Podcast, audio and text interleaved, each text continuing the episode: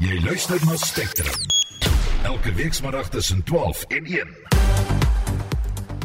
In die program vandag. Die SAIK kry 'n nuwe hoof van nuus en aktuelle sake. Maar gaan Moshweshwe Monare se ervaring in drukmedia genoeg wees vir die openbare uitsaaier? Die ANC wil die private sektor by staatsondernemings betrek. En die produsenteprysindeks vir Maart styg. Goeiemôre, welkom. Die span in die ateljee is redakteur Marlenae Forsie, produksieregisseur Daitrin Godfrey en ek is Marieta Kreer. Daar is geen verkeer. Goeiemiddag, ek is Annelien Moses met jou verkeersnuus. Ons begin in Gauteng, daar is padwerk op die N1 Suid na Rivonia weg en die regterbaan is gesluit. Daar staan 'n voertuig op die N12 Wes voor die Gululies wisselaar en die middelste baan is versper. In Kaapstad is daar padwerk op die N1 stad in by Okavango weg en die regterbaan is gesluit. Dan in KwaZulu-Natal staan daar 'n voertuig in die noodbaan op die N2 Suid na die Umgeni wisselaar. As jy enige verkeersnuus het, stuur 'n SMS na 45889 teen R1.50 per boodskap.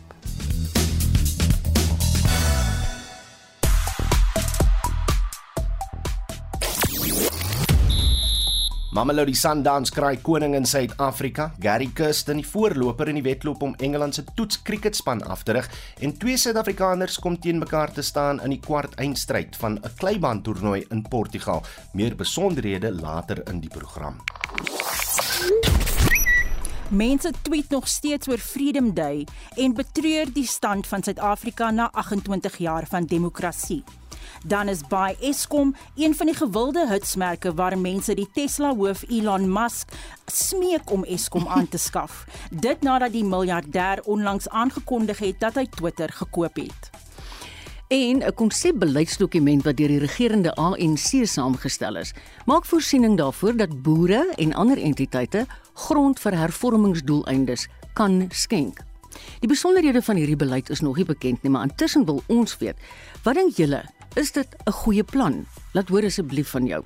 Stuur gerus 'n SMS na 45889 teen R50 of praat saam op die Monitor en Spectrum Facebookblad.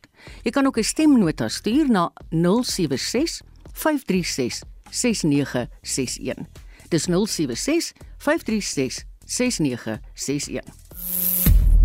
Spectrum, jou middagnuusprogram op RSG. Welkom terug by die program. Dit is nou 7 minute oor 12. Moshweshwe Monare is van 1 Junie af die SAIK se nuwe groephoof van nuus en aktuelle sake. Hy is op die oomblik die besturende direkteur van bedryfs- en korporatiewe sake by Arena Holdings. Ander posisies op sy kerfstok is adjunkredakteur van die Mail and Guardian, die redakteur van die Sunday Independent en die uitvoerende redakteur van The Star. Vir sy mening oor hierdie aanstelling sluit die direkteur van Media Monitoring Africa, William Bird, by ons aan. Goeiemôre William. Hallo, goeiemôre. Wat dink jy van hierdie aanstelling? I think it's a good appointment um, in broad terms. You know, it's uh, it's it's probably one of the most prestigious, but also one of the most impossibly difficult uh, jobs anywhere in the country. You know, let alone just as an editor uh, of any media because precisely because it's uh, you you know it, it's over a number of different services um, and you're overseeing a significant sizable staff um, and of course you know there are more political challenges than you could shake a stick at. So in terms of that you know you need someone who's got uh, a good head on their shoulders someone who's got a, a lot of experience and understanding what news and current affairs is about. So i think that uh, you know, uh, I mean, obviously we don't know who the other candidates were, but certainly I think we should welcome the appointment and and wish him the best of luck. Maar William Monari het heelwat ervaring in gedrukte media. Dink jy dit gaan hom help in die uitsaai bedryf?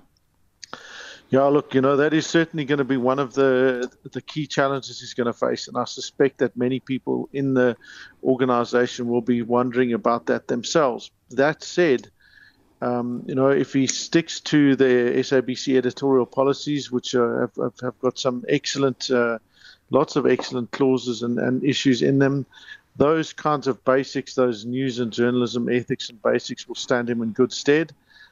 Against and in and, and with that, I think that what he's going to need to do is, is, is build himself up a good, strong team um, that'll help advise him around some of the broadcasting issues and help you know with that, uh, those kind of questions that he may not have answers to. Then again, you've already got a lot of you know excellent people within the SABC who should be able to fulfil that role. So provided there's an openness within the SABC to him, I think that uh, you know those shouldn't be insurmountable uh, obstacles uh, that, that that that'll make him fail. It's, it's more a matter of if he's able to find the right kind of people to support him in his efforts.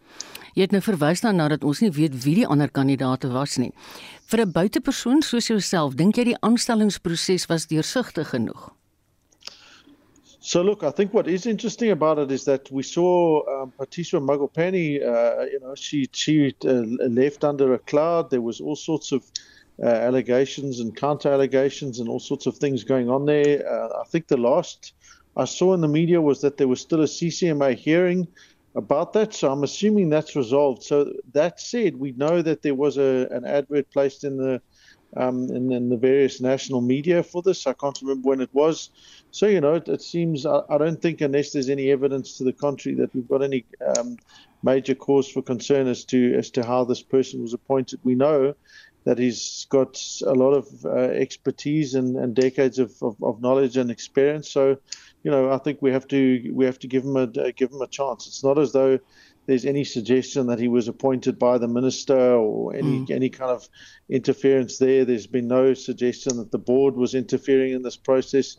So I think think that we should, um, you know, unless something arises to to to counter that, we should uh, allow the SABC to do what its what its processes stipulate. En aggenome die feit dat die SAIK 'n openbare uitsaaier is. Wat is Monare se grootste verantwoordelikheid dink jy in hierdie rol? Sjoe, I mean, so many. It would be. It's just astonishing, really, because the SABC is such a beast of a, a broadcaster. You know, the, the the, the the internal politics, I think, is going to be one of the biggest challenges for him. Uh, then the external political efforts to interfere and push the SABC in a particular direction. The fact that the SABC is still in an incredibly precarious financial position. Um, and of course, that the SABC needs to shift towards digital in terms of getting its news uh, content out there. I think some of those are going to be his, most uh, kind of immediate uh, challenges, and just being able to get a grasp of what's going on in such a complex but absolutely critical institution for our democracy. So it's not only one of the most complex and vibrant, it's also one of the most essential for our for our country. I mean, it's a it's a huge weight that that, that rests on his shoulders. Baie dankie William. Dit was die direkteur van Media Monitoring Africa, William Bird. Ons verskuif nou die aandag na politieke kwessies. Nuus dat die ANC Vroueliga se uitvoerende komitee ontbind word en 'n tussentydse taakspan in hulle plek aangestel word, word uit verskeie oorde verwelkom. Soos professor Amanda Gous aan die Universiteit Stellenbosch vir Marlene Forsie gesê het. Hulle het sedert 2017 nog nie 'n verkiesing gehad vir nuwe leierskap nie. Intussen gaan die ANC Vroueliga voort met hulle werk en baie van hulle werk ondermyn eintlik die geslagsgelykheid van vroue in Suid-Afrika vir die tyd dat hulle nuwe leierskap kies en ook definitief jonger vroue moet verkies. Dis juist die nasionalistiese benadering van die liga wat geslagsgelykheid volgens Gous ondermyn. Vroue moet lojaal aan die ANC wees, hulle moet lojaal aan die manlike leiers wees en hulle stel nie 'n agenda op wat geslagsgelykheid bevorder nie. En Batabile Dlamini, die president van die liga, is onlangs in 'n hofsaak skuldig bevind dat sy onder eed gelieg het. So dit skep net nie 'n goeie beeld van die vroue liga nie. Maar is dit tussentydse taakspan die regte roete om te volg? Dit is die enigste manier wat die ANC nou die liga kan bestuur en hulle dit met die jeugliga ook gedoen. Nou moet ons net hoop dat die mense wat op hierdie taakspan diens, dit duidelik sal maak dat hierdie vroue liga hulle verskillende tak kongresse moet hou en dat hulle die reëls wat basies neergelê is in die ANC se grondwet moet nakom. Dit was 'n dosent in politieke wetenskap aan die Universiteit Stellenbosch, professor Amanda Gous. En dis Marlene Forsie wat so sê, sy is vandag ook ons redakteur. Daar's onlangs in die media berig dat die ANC die privaat sektor by die bestuur en selfs die eienaarskap van staatsondernemings wil betrek. Hierdie voorstel is in 'n besprekingsdokument vervat ter voorbereiding van die party se beleidskonferensie later vanjaar. Die ekonomiese raadgewer by die Optimum Beleggingsgroep, Dr. Rolof Botha, sê dit lyk of president Ramaphosa ekonomiese samewerking tussen die staat en die private sektor steun. Ja, dit is baie duidelik in die laaste 2 maande dat president Ramaphosa begin 'n bietjie sy stem dik maak oor die verklaarde beleid van groter samewerking en dit kan verskeie vorms aanneem natuurlik met die private sektor. As mens teruggaan na sy openingsrede, sy sy jaarlikse rede oor hoe dit gaan in die land, die sogenaamde sonna, het hy baie duidelik laat blyk en soveel woorde dat sonder die private sektor is hierdie land in groot moeilikheid, maar samewerking met die private sektor kan uiteindelik die nasionale ontwikkelingsplan se doelwitte stadig maar seker begin bereik en hy begin definitief uh, sy stempel afdruk op hierdie nuwe beleidsbenadering. Dis 'n nuwe beleidsrigting vir die ANC. Wel vir die ANC is dit nie net nuut nie, maar vir baie van die mense in die ANC is, is dit vreemd.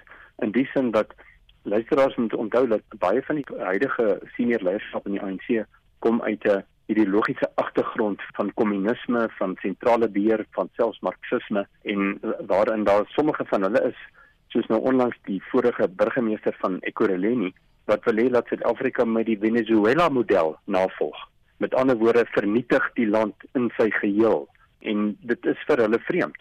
Maar dit wil voorkom asof die meerderheid, die oorgrootste meerderheid van die ANC se nasionale uitvoerende komitee bankvas agter president Ramaphosa staan, want dit is mos nou bewys in feitelik elke land in die wêreld dat waar die staat sy betrokkeheid in die ekonomie so min as moontlik maak, daar het jy welvaartskepping en uiteindelik as jy demokrasie het ook groter mate van stabiliteit.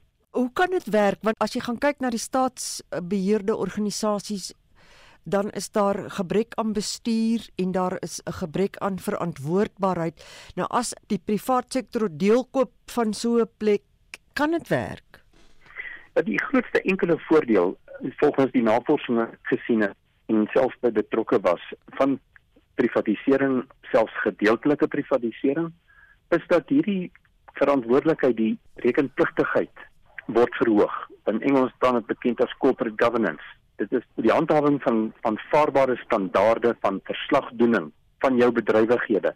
En dit word ontsettend goed beheer en geadministreer in Suid-Afrika in die private sektor maar nie in die regering nie danksy uit die afhensake staatskaping. 'n mens hoef maar net na die sonnekommissie of selfs nog ook na die ouditeur-generaal se verslae te gaan kyk om agter te kom wat se gemors daar aangaan en aangegaan het tydens die rampspoedige Zuma administrasie in die staatsbeheerde instellings en ek dink dit is een van die hoofdoelwitte daarvan en dit kan uit die aard van die saak uit 'n reuse positiewe gevolge vir Suid-Afrika se ekonomie inhou.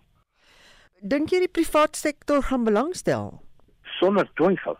As 'n mens net kyk na die belangstelling wat daar tans heers rondom die hernubare energie program en ook op verskeie terreine soos byvoorbeeld die deskundige paneel wat aangestel is die regering by te staan met die 62 groot en dit sal meer word infrastruktuurprojekte. Daar was meer as 1200 aansoeke vir daardie poste.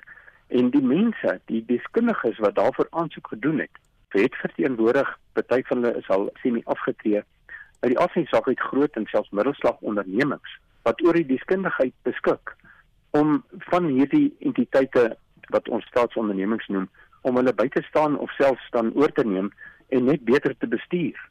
So ek is baie opgewonde hieroor en ek glo dat meeste van die bedryfsleiers in al die bedryfstakke in Suid-Afrika is waarskynlik ook redelik opgewonde. Ons sê natuurlik ons voorbehoude, die regering moet ophou beloftes maak en hierdie nou 'n werklikheid maak. Dr. Rolf Botha is 'n ekonomiese raadgewer by die Optimum Beleggingsgroep en hy het met Mitsi van der Merwe gepraat. 1218 Statistiek Suid-Afrika het pas bekend gemaak dat die produsenteprysindeks vir Maart op 11,9% te staan kom. Van Februarie tot Maart vanjaar was daar 'n toename van 2,5%. Vir sy perspektief sluit die hoofekonoom van die Buro vir Ekonomiese Ondersoek, Hugo Pinaar, nou by ons aan. Hallo Hugo. Goeiemôre. Was jy hierdie stygings te wagte? Nee, ek moet sê dit is 'n bietjie van 'n opwaartse uh vir wel, ek wil nou nie sê verrassing is eintlik bietjie van 'n skok. Ehm um, so die die konsensus verwagting was 10.7% jaar op jaar en dit is wat ons ook uh verwag het. So die 11.9% waarna jy verwys het is is beslis dan nou heelwat hoër as wat die algemene verwagting was vir die syfer. Wat was die primêre dryfveer agter hierdie stygings dink jy? Ja, so ek dink ehm um, as mens nou kyk na die onderafdelings dan is dit veral aan die voedselkant. So voedselprodukte het met uh, eh, 2.7% maand op maand, met ander woorde van uh, Februarie jaar tot Maart hierdie jaar uh, toegeneem. En as mens dan nou binne voedsel gaan kyk, is dit veral die olie en vette uh, kategorie. Nou daai kategorie het sommer met meer as 27% net op die maand uh uh toegeneem. So ek dink um, ek moet nou nog 'n bietjie kyk presies wat wat ehm um, dit veroorsaak het, maar ek vermoed dit seker nou maar die die hoër olieprys ehm um, wat ons gesien het die laaste maand of so wat nou aan die aan die voedselkant uh ook begin deursyfer. Watter sektore het vir jou uitgestaan? Ja, soos ek nou genoem het, die ehm um, aan aan die voedselkant veral en dan nou binne voedsel veral ehm um, die die olies ehm um, mm. wat ehm um, met voedsel te doen het. Maar dan is is 'n ander uh, kategorie kyk ehm um, die ehm um, aan die petroleumkant um, het ons ook 'n uh, redelike groot stygings gesien, maar dis nou ehm um, dit was te wagte, ehm um, want ons weet die petrol en die dieselprys ehm um, het nogal skerp uh, toegeneem aan die begin van uh, Maart. En dan chemiese produkte uh, het redelik skerp ook op die maand uh, toegeneem. Hoe hoe lyk die syfers vir die elektrisiteitssektor? Ja, so in in in hierdie syfer ehm um, was daar nie veel beweging aan aan die elektrisiteitkant nie. So die uh, mens moet onthou die die meeste maande van die jaar as mens op 'n maand op maand basis kyk, dan is daar nie veel beweging aan die elektrisiteitkant nie, maar natuurlik dan sien ons ehm um, hierdie groot stygings ehm um, in April ehm uh, Mei aan die verbruikerskant is dit gewoonlik in in Junie maar aan die PPU kant sien mens dit gewoonlik in April. So ons weet ehm um, Nersa het vir Eskom 9.6% uh, toename aan die elektrisiteitkant gegee vir die volgende finansiële jaar. So daai stygings sal ons waarskynlik aan die aan die aan die PPU kant uh, en dit is gewoonlik bietjie meer aan die PPU kant, maar ons sal dit uh, dan waarskynlik van April af in ja. die syfers begin sien. Baie dankie Hugo. Dit was die hoofekonoom van die Buro vir Ekonomiese Onderzoek, Hugo Pinaar. En die soldate kom aan gemarseer en elkeen dra 'n geleide geweer. Daar's 'n bom in elke supermark. Die ou wat my wou gaan doodmaak, het dit my kom vertel in 1994. Hy's 'n kolonel in militêre inligting en hy het gesê dis niks persoonlik nie en ek en hy het saam 'n dik steak geëet en 'n paar biere uitgedrink en dit's dit. Dis wat ek gedoen het. Kennis 'n donker, donker land. Dis 'n sone draai. 'n Media stryd ons, praat Kaalvuis. Luister Saterdag tussen 12 en 1 na Naweek Aktueel. Naweek Aktueel met Anita Visser. Reën kom weer.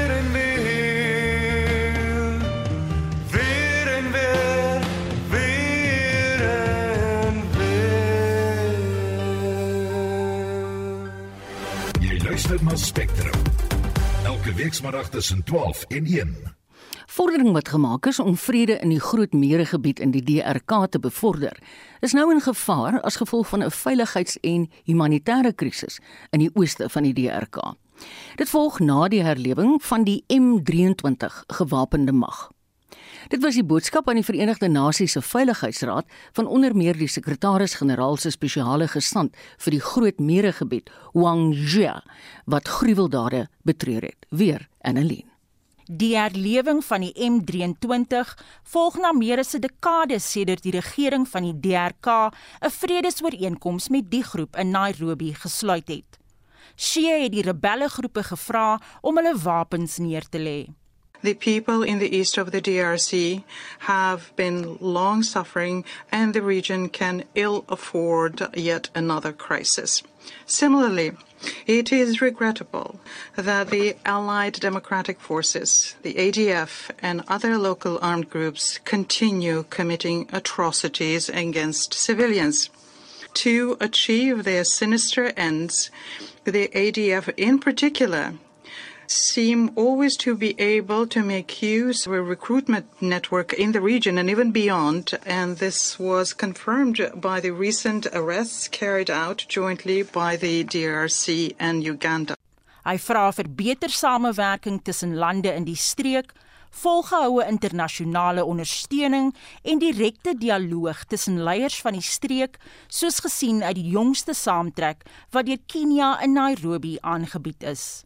I would like to also welcome the convergence of views amongst uh, member states on the regional priorities so as to go after instability, conflicts, and uh, the new impetus they have provided here. I would like to pay tribute to the leadership of President Kenyatta, who on two occasions during the month of April has hosted in Nairobi his uh, counterparts in the region and this took place in the course of two important summits and they were there to consider the security challenges which persist in the east of the DRC and also to come up with specific solutions. Die Veiligheidsraad het ook gehoor dat insurgente van Mosambiek na die ooste van die DRK reis. En daar is kommer dat dit verder suid binne SADC kan uitkring. 'n onafhanklike kenner oor die Groot Meeregebied, Dinesh Matani, verduidelik hoe radikale groepe jong mense oplei. There in the ADF camps, they learned battlefield tactics, passing this knowledge and training on to their fellow insurgents when they returned back to Mozambique. Around that time, radical youth from Kenya and Tanzania, including those who were once the East African foot soldiers of Somalia's Al Shabaab militant group, also began to flee security crackdowns at home in East Africa, migrating west towards the ADF camps in eastern Congo, with many others moving south from East Africa to join the insurgency in Mozambique, which is also claimed by Islamic State as its affiliate. These East Africans who have turned up in Congo and Mozambique are just some of the young men whom Islamic State may be looking to support with continued financing, with money transfers originating from abroad including as has been discovered from South Africa. Matani waarsku dat 'n groter streek nou gebuk gaan onder die geaffilieerde teenwoordigheid van Al-Shabaab, Al-Qaeda en ISIS. Hy sê dat 'n militêre oorwinning in die DRK en Mosambiek onwaarskynlik is, selfs al is daar nouer samewerking tussen onderskeie lande. Die vertroue tussen lande van die Groot Meeregebied was onstabiel die afgelope paar jaar. Bande word herbou, maar ten spyte daarvan is dit onduidelik of tekens van solidariteit die toets van die tyd sal weerstaan. Die verslag deur Sherwin Bryce Peace in New York en ek is Annelien Moses vir SAK nuus. Sesantabo Musia sit vandag sy getuienis voort in die moordverhoor van die Orlando Pirates en Bafana Bafana doelwagter Senzo Mihiwa. Die vyf beskuldigdes ontken skuld aan onder meer moord en roof met verswaarende omstandighede.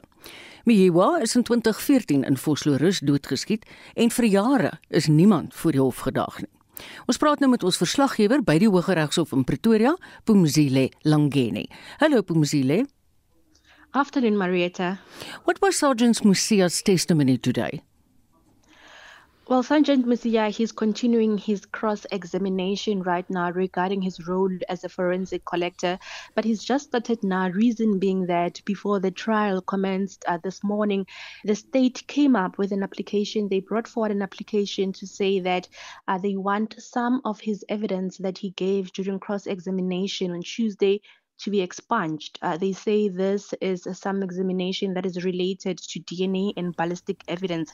They say these are the questions that were asked by defense and which he is not an expert he's in and he's not vested in and he's not even qualified uh, to answer about mm. those questions. They relate to questions about uh, the DNA results that came. There's a head that is said uh, to belong to a woman, as well as uh, the type of what he thought uh, the type of gun was used uh, at the shooting, and all those questions surrounding those issues. And they say that these are outside what he does as a, a field forensic worker, and they've applied to the state to expunge that part of evidence.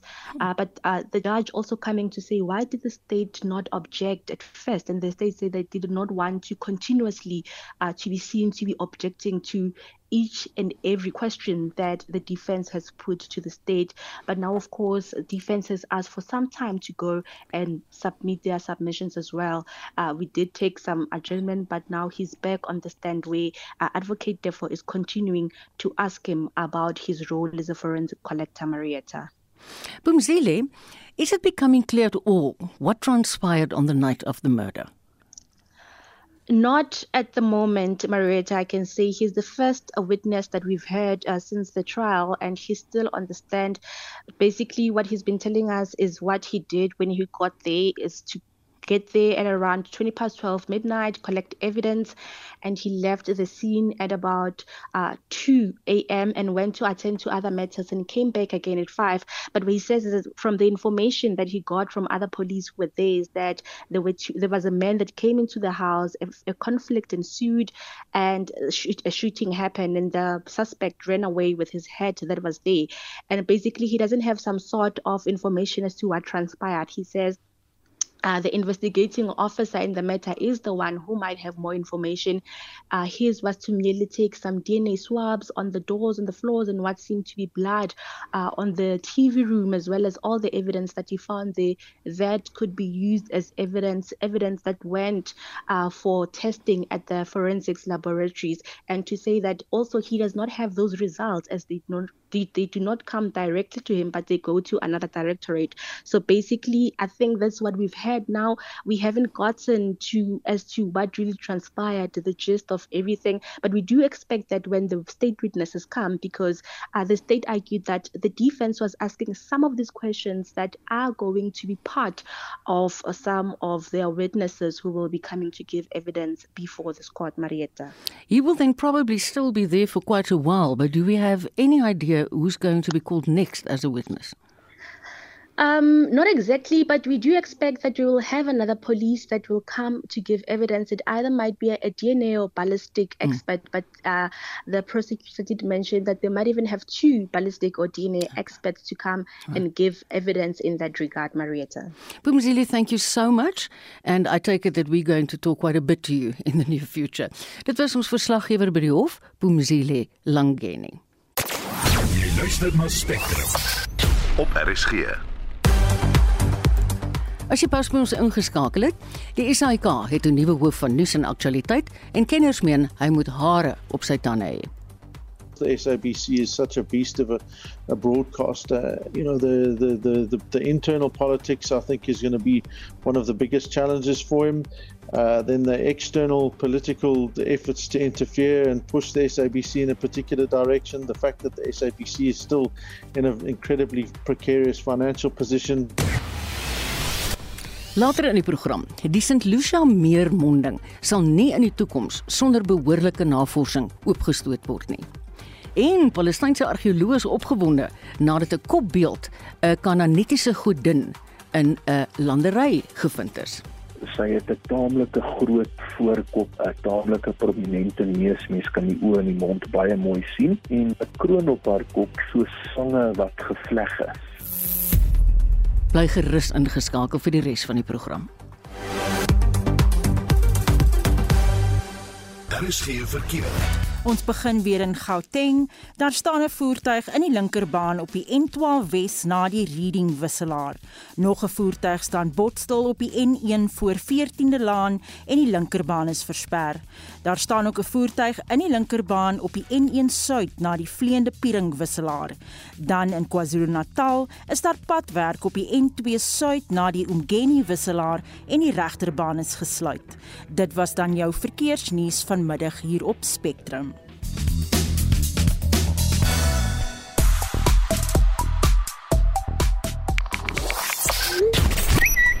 Die Senzo Mjiwa trial trek steeds groot aandag terwyl die opspraakwekkende moordverhoor voortgesit word. Intussen praat mense ook nog oor Villarreal nadat die span met 2-0 teen Liverpool verloor het.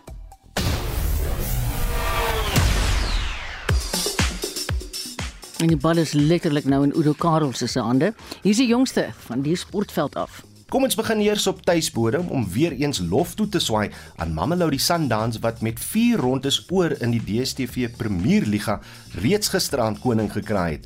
Die span van Pretoria moes net gelyk op speel teen Cape Town City en dit het hulle ook gedoen om 'n rekord 5de agtereenvolgende liga titel in te palm. Die een rekord wat hierdie seisoen nie gaan val nie, is die rekord vir die meeste punte in 'n liga veldtog van 71 wat ook deur Sundowns in 2016 gestel is. Hulle sit tans op 58 punte en kan met 4 wedstryde wat oorbly net 70 punte bereik. In Europese sokker het Liverpool se Sadio Mane gisteraand die rekord van 14 doele in die uitklop rondes van die Kampioenenliga deur 'n speler van Afrika geëwenaar. Sy doel in die 55ste minuut van hulle eerste been halfeindstryd teen Villarreal plaas hom gelykop met Ivoorkus en Chelsea legende Didier Drogba. Liverpool het dan ook die wedstryd 2-0 gewen wat albei spanne van Engeland in 'n baie goeie posisie plaas voor volgende week se tweede been nadat Man City 4-3 met Real Madrid afgereken het. In cricketnuus blyk dit asof voormalige Protea speler en afrigter Gary Kirsten die voorloper is om die afrigterskap van Engeland se toetsspan oor te neem. Die Telegraph in Engeland berig dat sy groot teenstander, Australiese voormalige breier Justin Langer, homself onbeskikbaar gestel het vir die posisie.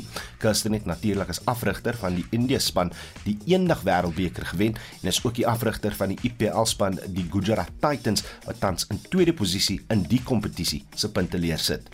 In rugby nuus het die tweede geplaaste Stormers drie veranderinge aangekondig aan hulle 15-tal wat die naweek teen die topspan in die VRK Leinster te staan kom. Warwick Galant begin op heel agter terwyl Damian Willemse die skuif maak na buite senter waar hy Rikus Pretorius vervang wie haars onskudding in hul vorige wedstryd opgedoen het. Franco Fourie is terug van besering en neem sy plek in in die nommer 6 stry terwyl die besering aan Hakker Skaran Tobeni 'n geleentheid skep vir Wilmar Arnoldi om sy heel eerste buiging te maak vir die Stormers.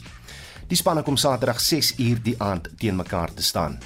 Ons bly by rugby en na maandag se seëge deur Tikkies oor Maties in die finaal van die Varsity beker is die groot vraag steeds was hy aangee wat gelei het tot die wen 3 vorentoe of nie. Heel agter Stefan Kutse het in die laaste 2 minute van die wedstryd die bal gedra van sy eie 22 en is eers op Matie se 22 laag gevat. Hy het toe die bal aan Bernard van der Linde so deur die laagvat aangegee en dus waar baie gene voel skeieregter Egan Seconds dinge verkeerd gekry het. Afhangend natuurlik van watter kant van die Jukskei rivier jy woonagtig is. Maar Nicolis, afrigter van Tix en ons weet dit is bietjie eensaidig het vanoggend op monitor Kort vertel dat hy die drie telke male reeds besigtig het en voel die regte besluit is wel geneem.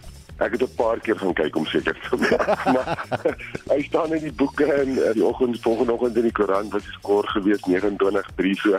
Ek is baie gelukkig dat daar al 'n paar ander goed wat ek gevoel het dalk ons kant kon gekom het, maar dit strek nie. Sommige van daai goals kom vir ander gaan teen jou en ons is ja. gelukkig om te sê hierdie was 'n 50-50 wat ons kant toe gekom het. En in tennisnuus gaan die dubbels legende Ryan Klaasen met sy vernoot Ben McLaughlin te staan kom vandag teen mede-Suid-Afrikaner Lloyd Harris en sy vernoot Jonathan Erlich. Dit is vir 'n plek in die semifinaal van die dubbelspel in die Estoril Ope in Portugal. Die wedstryd begin om 2 uur vanmiddag. Dankie Udo Karelse met vandag se sportnuus. Spectrum, jou middagnuusprogram op RSG. Voort met die program 19 minute voor 1. Die monding van die St. Lucia meer sal nie in die toekoms sonder behoorlike navorsing oopgestoot word nie. Dis een van die uitkomste van 'n hoë vlak paneelondersoek oor die kwessie. Die ondersoek is geloods nadat die meer se monding in Oktober 2020 oopgestoot is. Toe was die doelwit om die invloei van soutwater toe te laat sodat die gebied weer geskik kan word om 'n broeiplek te word vir seevisse, asook om die meer skoon te spoel en oorstromings op plase hoër op te keer. Die minister van Bosbou, Visserye en Omgewingsake, Barbara Krisi, sê die grootste probleem hier is dat daar nie behoorlike samewerking en bestuur van die kwessie onder haar eie departement, Isimangoliso, die departement van Landbou en Water en Sanitasie is nie.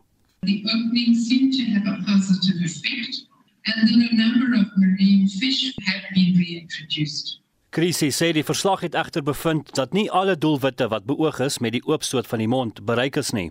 There was no observed or measured change in the removal of sediment of common reeds and alien invasive species. Die verslag beveel aan dat die mond net oopgestoot mag word in uitsonderlike omstandighede. Isimangaliso moet 'n beter bestuursplan ontwikkel om die meer te monitor en om beter besluite oor die meer te neem. Isimangaliso moet ook beter met die gemeenskappe en sakelei oor die kwessie kommunikeer om 'n soortgelyke situasie in die toekoms te vermy.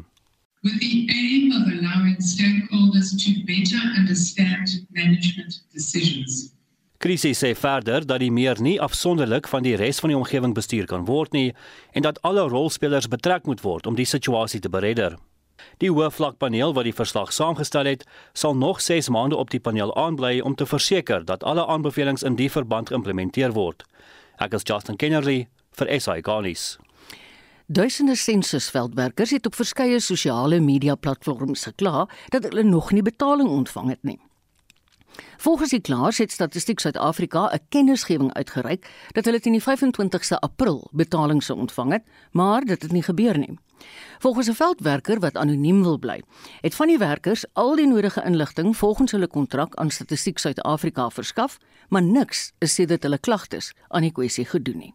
Die mense van Statistiek het vir ons gesê dat hulle gaan ons 10 dae na ons kontrak betaal. So nou die eerste kontrak, nie almal het hulle geld gekry nie. Daar's 'n paar mense wat hulle vol salaris gekry het, party het 'n deel van hulle salaris gekry. Die tweede kontrak, toe sê hulle vir ons nee, daai mense wat nie in die eerste kontrak hulle volle bedrag gekry het nie of daai waar die geld wat kort, hulle hulle gaan dit in die tweede kontrak se geld insit. OK, dis waar. Toe teken ons die tweede kontrak, stuur ons dit deur. 10 dae na die tweede kontrak toe gee hulle vir ons geld wat kort. Hulle het nie vir ons ons volle salaris gegee nie. Hulle het nie daai ander geld ingesit nie wat hulle in die eerste kontrak moes gesit het nie. OK, to sell us near, don't worry, and we are still processing your payments, we are still processing your payments. Ons moet nou die derde kontrak teken. Toe teken ons nou die derde kontrak en dink, okay, we shouldn't worry, they're still going to pay us. Die derde kontrak is nou verby. Die vierde kontrak is nou verby. Ons wag nog vir ons geld. There is no communication. Hulle praat nie met ons nie, daar's nie SMS nie. Hulle het hulle gadgets gevat Ons kan ook nie sien of daar 'n update is nie of wat. So, ons is nou honger en ons het gewerk. Ons het ons deel gedoen. Hulle moet nou hulle deel doen. Hulle praat nie met ons nie. As ons hulle bel, dan sê hulle vir ons they will talk to the financial office. Hulle weet nie wat gaan aan nie. As jy weer bel, nee, we are processing the payments. As jy weer bel, dan dan kry hulle vir jou 'n ander storie. So ons is nou aan die hongerte en daar is nie kommunikasie nie. So ons weet nie wat om nou te doen nie. Ons het op Twitter geskryf, ons het hulle getag, no respond. Facebook, no respond. So ons weet nou nie wat om te doen nie. En as jy na die DC se office toe gaan, as jy na die district office toe gaan, gaan hulle vir jou dieselfde storie sê dat nee, hulle weet nie wanneer die payments deurgaan nie. Hulle sê dit vir jou anytime this week. It's been 3 weeks now. Dit was 'n sensusveldwerker, een van talle wat nog nie betaling ontvang het nie, sê dit hulle hulle kontrakte onderteken het nie. Interessant ons het gister in die middagprogram klomp SMS'e ook gekry van mense wat sê daar was glad nie 'n veldwerker in hulle buurt nie. Maar hier's 'n paar hoeke aan hierdie storie. Statistiek Suid-Afrika se woordvoerder, Trevor Oosterwyk, het intussen gesê minstens 80% van alle werknemers is betaal. Hy erken tog dat daar probleme was met betalings omdat werknemers die kontrak verkeerd interpreteer het of omdat foutiewe persoonlike inligting verskaf is. Hy het aan Vincent Mofokeng gesê die meeste uitbetalings behoort môre voltooi te wees. Daar's baie mense wie se details op persoonlik korrek is nie en geld kom terug na ons toe. So sekerlik hulle verantwoordelikheid om seker te maak dat hulle details reg is. En dit wat nog uitstaande is, ons is besig om daarmee te werk, maar die belangrike punt is natuurlik dat mense nie verniet werk nie. Ons hulle sal betaal. En dan was daar baie mense gewees wat gesê het ons het die sensus veldwerkers gesien maar niemand het al my statistieke geneem nie.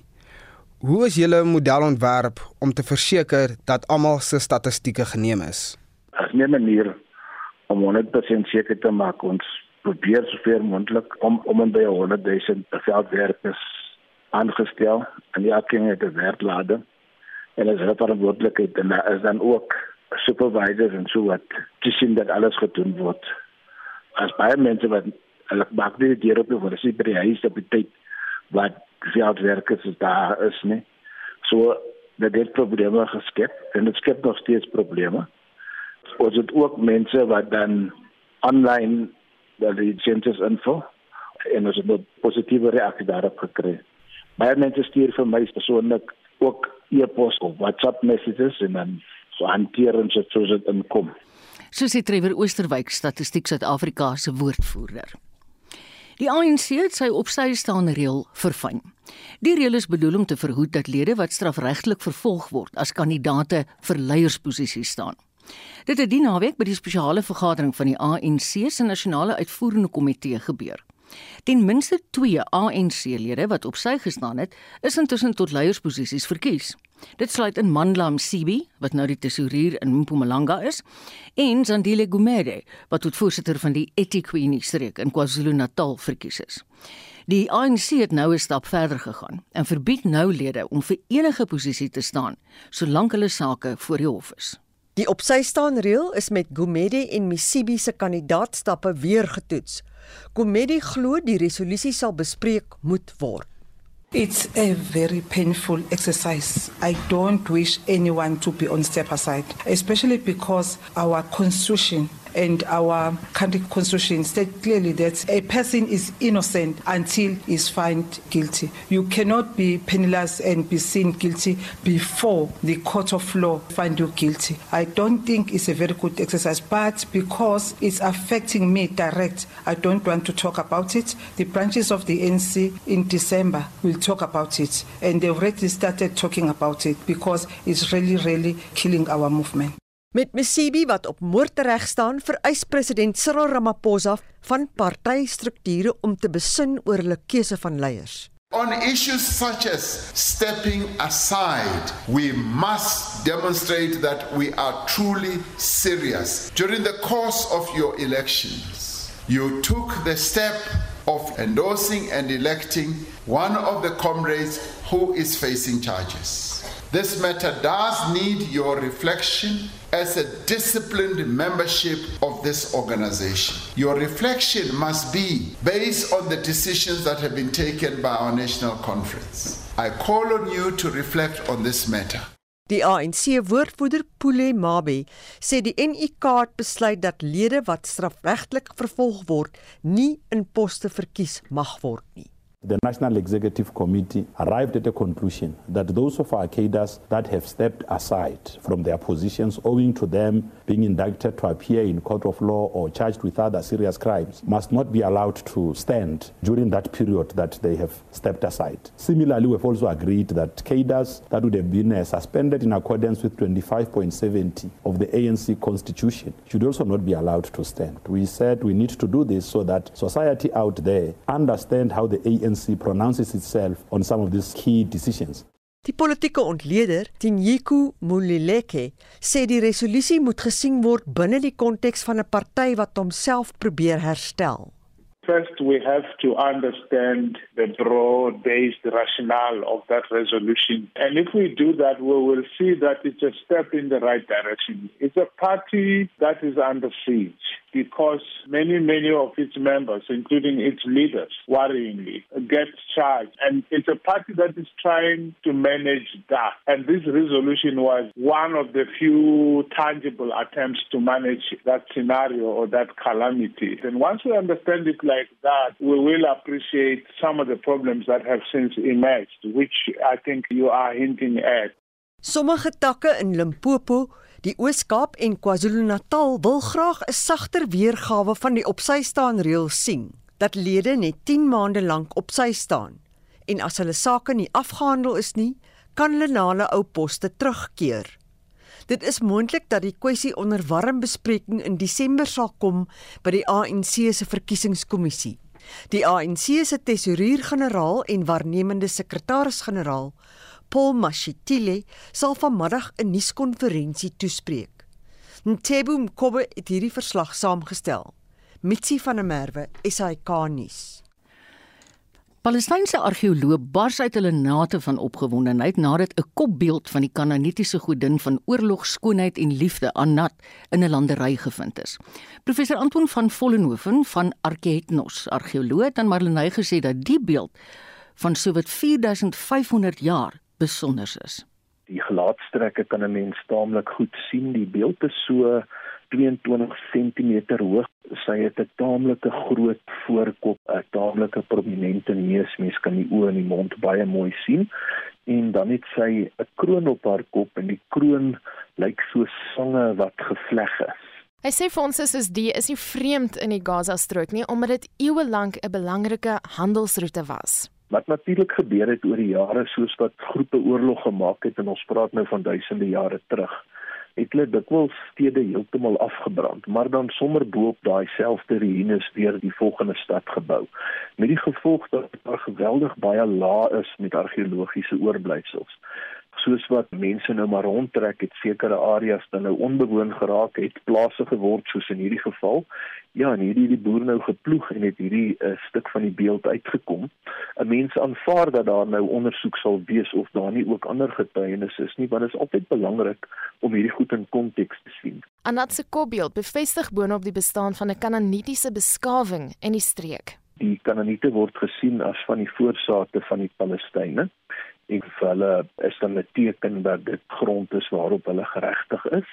Ons weet almal dat die Gaza strook dat daar maar altyd oorlog daar aan die gang is. So op 'n op 'n politieke vlak dink ek het die beeld nog 'n baie groot betekenis vir die Palestynë. Dit word nou uitgestal in Qasr al-Basha, 'n historiese gebou wat dien as een van die min museums in die Gaza strook. Die rede hoekom daar nie baie museums is nie, is nou maar die probleme met die oorlog daar normale gang van sake iets is wat 'n mens nie baie by kan uitkom nie. Hulle hoop natuurlik om meer museums daar te vestig om natuurlik toerisme meer te vestig in hierdie strook. Ons weet almal dat Egipte kry baie besoekers, Israel kry baie besoekers en is baie gekoppel aan die argeologie van hierdie streke. So dit kan baie positief vir die Gaza-strook wees. Dit was professor Anton van Vollenhoven van Arca Ethnos Argeoloog verbonde aan die Noordwes Universiteit. Marlene Forsie, SAK nuus. Vir 'n opsomming van die dag se nuusstories, hier's Joan Marie Verhoef. Sergeant Tabo Mosia sit sy getuienis voort in die moordverhoor van die Bafana Bafana doelwagter Senzo Mayiwa. Ons verslaggewer Pumzile Mlangeni hou die verrigtinge dop. The state came up with an application. They brought forward an application to say that uh, they want some of his evidence that he gave during cross examination on Tuesday to be expunged. Uh, they say this is some examination that is related to DNA and ballistic evidence. They say these are the questions that were asked by defense and which he is not an expert he's in and he's not vested and he's not even qualified. In ander nuus volgens 'n besprekingsdokument ter voorbereiding van die ANC se beleidskonferensie later vanjaar, lyk dit of die party die privaat sektor by die bestuur en eienaarskap van staatsbeheerde ondernemings wil betrek. Ons het Dr. Rolof Botha hieroor uitgevra. President Ramaphosa begin 'n bietjie sy stem dik maak oor die verklaarde beleid van groter samewerking en dit kan verskeie vorms aanneem natuurlik met die private sektor. As mens teruggaan na sy sogenaamde sonne het hy baie duidelik laat blyk in soveel woorde dat sonder die private sektor is hierdie land in groot moeilikheid. Intussen sal die ANC in die aanloop tot die party se beleidskonferensie die uitkomste van sy spesiale nasionale uitvoerende komitee vergadering bekend maak. Die voormalige parlementslid en politieke kommentator Pieter Mulder deel sy verwagtinge. Tot nou toe behaal hy oorwinnings in die nasionale uitvoerende komitee. So jy kan net by die konferensie leiers kies Nou dis Desember maand kan jy leiers kies, jy kan die Ramaphosa uitgooi in Desember, jy kan Ysmakashule terugbring en al die soort van dinge. En uh, tans is dit besig om te posisioneer. So die vroue liga word uitgesorteer. Hulle was pro Zuma geweest. Die jeugliga word uitgesorteer en op sy staan is dit baie belangrik hier in om dan nou die RDT faksie of die anti-Ramaphosa faksie wat nou betref te neutraliseer. En vanaand in brandpunt. As ek kan dink aan enige media pos in die land wat ek sou wou vermy, dan sou dit die wees van uh, hoof van nuus by die SAK. Emeritus professor in journalistiek aan die NWU, Johannes Vroneman, lewer kommentaar op die SAK se nuwe hoof van nuus en aktualiteit, Moshweshwe Monare. Dis brandpunt vanaand om kwart voor 6. John Marie, baie dankie jy het vir ons 'n oorsig gegee van die dag se nuusgebeure. En so kom ons hele redaksie tot 'n einde met vandag se uitsending en ons sê dankie vir die saamluister. Ek groet namens ons uitvoerende regisseur Nicoline de Wee, redakteur Marlenae Forsie, produksieregisseur is Daitrin Godfrey en ons het 'n klomp medewerkers gehad. Ek groet tot so 3 uur vanmiddag. Geniet jou tyd voor die radio.